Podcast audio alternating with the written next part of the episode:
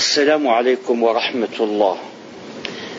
لي صديق زوجته مدرسة في المدارس المتوسطة هنا تدرس اللغة العربية.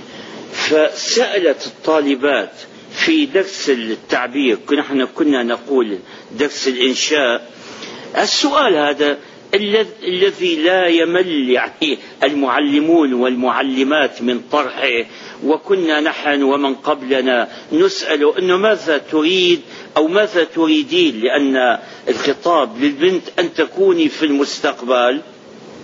الشيء العجيب أن أكثر البنات تمنينا أن يكن يعني أن يكون لهن عمل خارج الدار أن يشتغلن.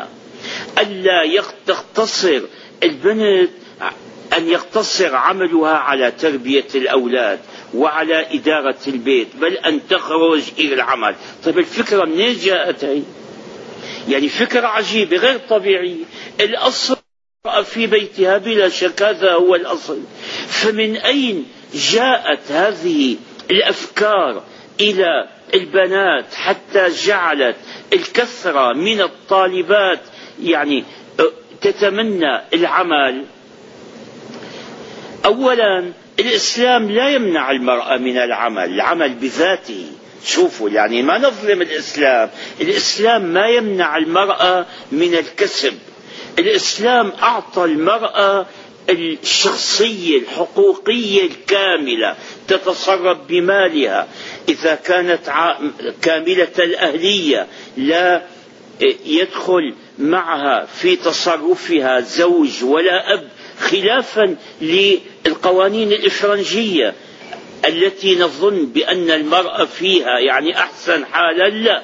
في كثير من البلاد لا يزال للزوج يعني تدخل في أموال امرأته. هنا عندنا كما تريد هي حرة ولها أن تتكسب. فالإسلام لا يمنع أصل العمل.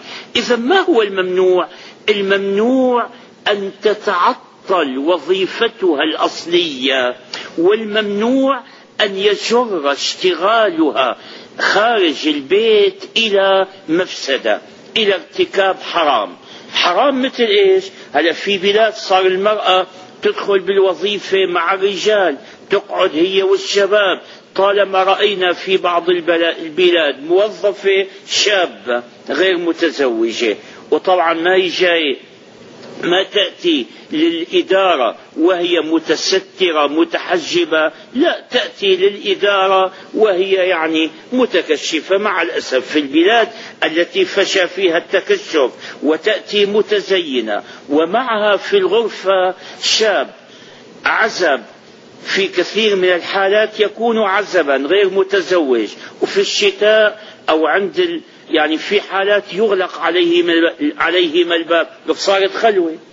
صارت خلوة. من الذي يضمن ألا يدخل الشيطان بينهما ورسول عليه الصلاة والسلام؟ وهو أصدق البشر وهو الذي لا ينطق عن الهوى. خبرنا أنه في مثل هذه الحال ما بيكونوا اثنين بصيروا ثلاثة. مين الثالث؟ الشيطان. اللي كنت بالأمس أحدثكم عنه يدخل بينهما. هل يقتصر الحديث فقط على الناحية ناحية الشغل؟ على طيب بعدين الظهر إذا خرج الموظف مع زميله بيقول له يصطحبان في الطريق يوصله بسيارته إلى بيته إن كانت له سيارة. يمكن يدعوه في بعض الأيام يقول له تعال تفضل معي إلى الغداء. طيب فهل يدعو أيضا زميلته؟ وإذا دعاها هل يكون اجتماعهما كاجتماع شابين لا فرق مطلقا يعني بين أن يكون الشاب والبنت أو أن يكون الشاب مع الشاب. والله اللي بيقول ما في فرق. يعني إذا بيسمح لي ما راح يسمع وبدون ما يسمع والله بقول له مجنون. هل يمكن؟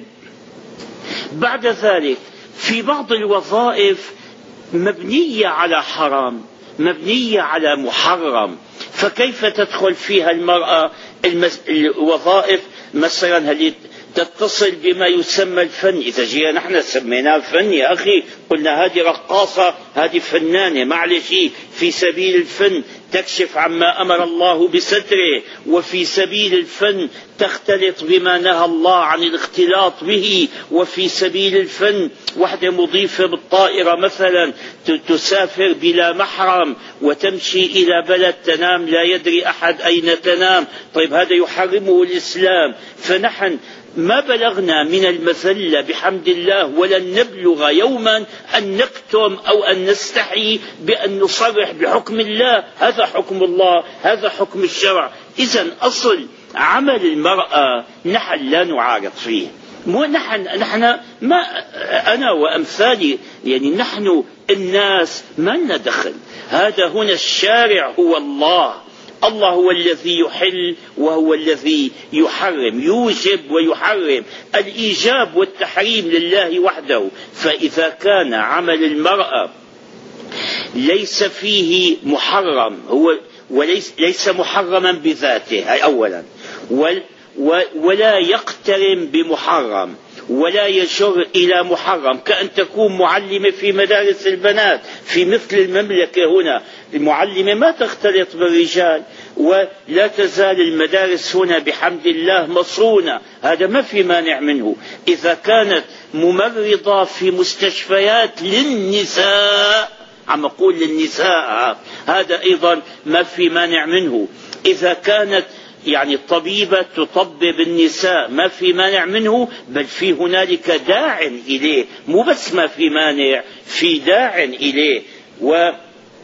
وينبغي أن يكون بقيت نقطة وظيفتها الأصلية تتعطل.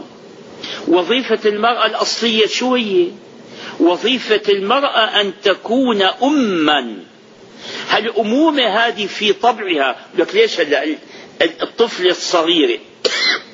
الولد أنا أخذ مثلا أحفادي الصغار. ما بشتري شيء أنا ولا أبي. أحيانا نمر على من يبيع الألعاب. الولد بيشتري سيارة بيشتري بندقية. البنت تشتري لعبة عروس كما تقولون. ليش تضمها إليها؟ تحاول أنه كأنها ترضعها لأن الأمومة فطرة فيها. فعمل المرأة الأولى أن تكون أما. نجي نحن الآن نردد كلمات ترديد الببغاوات ببغاء وببغاء بجوز يعني بالتخفيف وبالتجديد.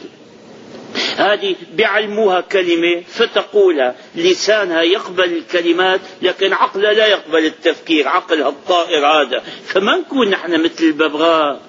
يعني نردد ما يلقى علينا بل ينبغي أن نستعمل عقولنا. يعني يكون العقل هو المصفاة في طريق اللسان فلا ننطق إلا بما أقرته عقولنا. فهذا كلام ما هو صحيح؟ شلون المرأة نصف المجتمع تعطل؟ بدأ هنا من يقول أيضا هذا الكلام ما هو صحيح؟ ما تعطل. بدكم المرأة تروح تشتغل في المعمل.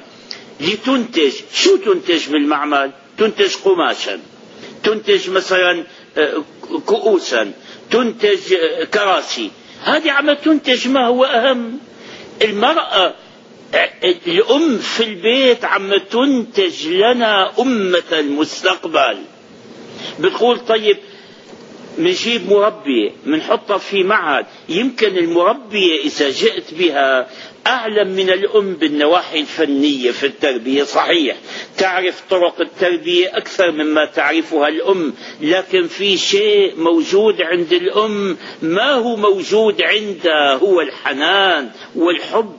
الحب هذا؟ هل ليش اليوم بعد أن اخترعت هذه أنواع من حليب الأطفال وانتشرت وصار يتغذى يعني النساء الأطفال بالحليب هذا رجعوا اليوم يقولوا لا حليب الأم. حتى قرأت كلمة من قريب لطبيب عظيم جدا نسيت اسمه. قال حليب البقر ربنا خلقه للعجل ما خلقه للطفل. يعني خلقه مناسبا للعجل. وحليب الطفل هو فكان يخاف أنا ممن يخاف؟ عندي بنات. كنت أخاف أنه إذا أرضعت بنتي ولدها أن يعني تخسر صحتها. تبين أنه عمل ربنا أتقن بكثير. عمل يعني كامل. ما يخشى عليها منها بل قد تستفيد منها. فرجع الآن. رجعوا يطالبون بأن ترضع الأم. فالفرق بين أن تأتي بمربية أو أن تأخذ ولدك إلى مدرسة الأطفال هذه كالفرق بين من يرضع الولد بالزجاجة الأم اللي ترضع بالزجاجة والأم اللي ترضع من ثديها. هديك عم هداك عم ياخذ حليب. اولا الحليب هذا ليس ما خلقه الله له وعم ياخذه من زجاجه جامدة. وهذه عم تعطي الحليب اللي ربنا خلقه للولد وتعطيه معه حبها وحنانها والولد يدرك يدرك حتى من الأيام الأولى يفرق بين أمه وبين غيرها. ولذلك عمل المرأة. حتى عند الإفرنج اليوم تعمل المرأة. هالقضية هي فرع من قضية أصلية. اليوم الأمراض كيف اليوم الجرثوم هذا؟ بيدخل الجسم بده مدة حتى بيقولوا التفريخ هذا وبعدين يشتد المرض. ثم يعني إذا نجا منه في كثير من الحالات يكون عنده عند الفرد حصانة منه. نعم في مصر أولا ثم في البلاد الأخرى دخل مرض التقليد تقليد الإفرنج لنا قبل دخوله إلى هذه البلاد. وفرخ وابتلينا به وبدأ الآن يعني يشفى منه بعض الناس هناك ومن شفي منه صار عنده حصانة. فلا تجعلوا هذا المرض يدخل عليكم مرض التقليد. أفهموا المرأة والله وضع المرأة المسلمة خير في الجملة من وضع المرأة الأجنبية الأجنبية سواء كانت روسية بالبلاد الشيوعية أو أوروبية أو أمريكية وضع المرأة المسلمة أحسن. شوفوا هناك لك هناك حكى قص علينا أستاذ لنا جد كان يعلمنا أنا أخذت البكالوريا سنة 928 تصوروا من 52 سنة. نعم. فكان عندنا دكتور ذهب إلى رحمة الله درس بفرنسا. قال شاء يستأجر غرفة في دار لما وصل إلى باريس في الحي اللاتيني. وكاد يتفق معهم. وجد بنتا خارجة من البيت وهي تبكي. سألهم ماذا؟ قالوا هذه بنتنا. جاءت تستأجر عندنا الغرفة هي وزوجها لكن دفعت لنا أقل فرفضنا أن نؤجرها. البنت عندهم إذا بلغت ثماني عشرة ما عاد يكلف الأب بها. بيقول له روحي أنت اشتغلي. حتى أعرف من الشباب في الشام. واحد ذهب إلى هناك وانتقل وتوطن فيها أقام فيها مدة قلدهم صار بده عمره 18 قال لا أنا خلاص لست مكلفا بك. بتروح بتركض هي هي تسعى وراء الرجل تسعى وراء الزوج.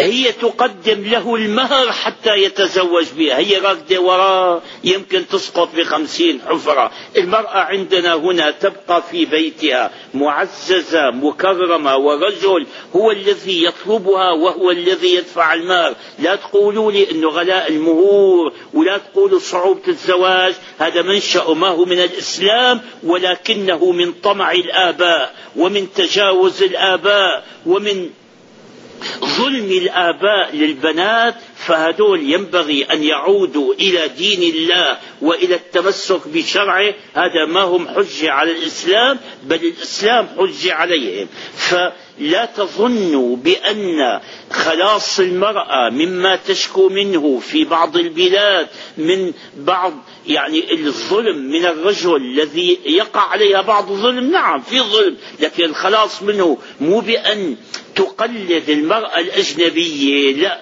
المرأة الأجنبية ليست على خير بل بيجي حديث آخر. والسلام عليكم ورحمة الله.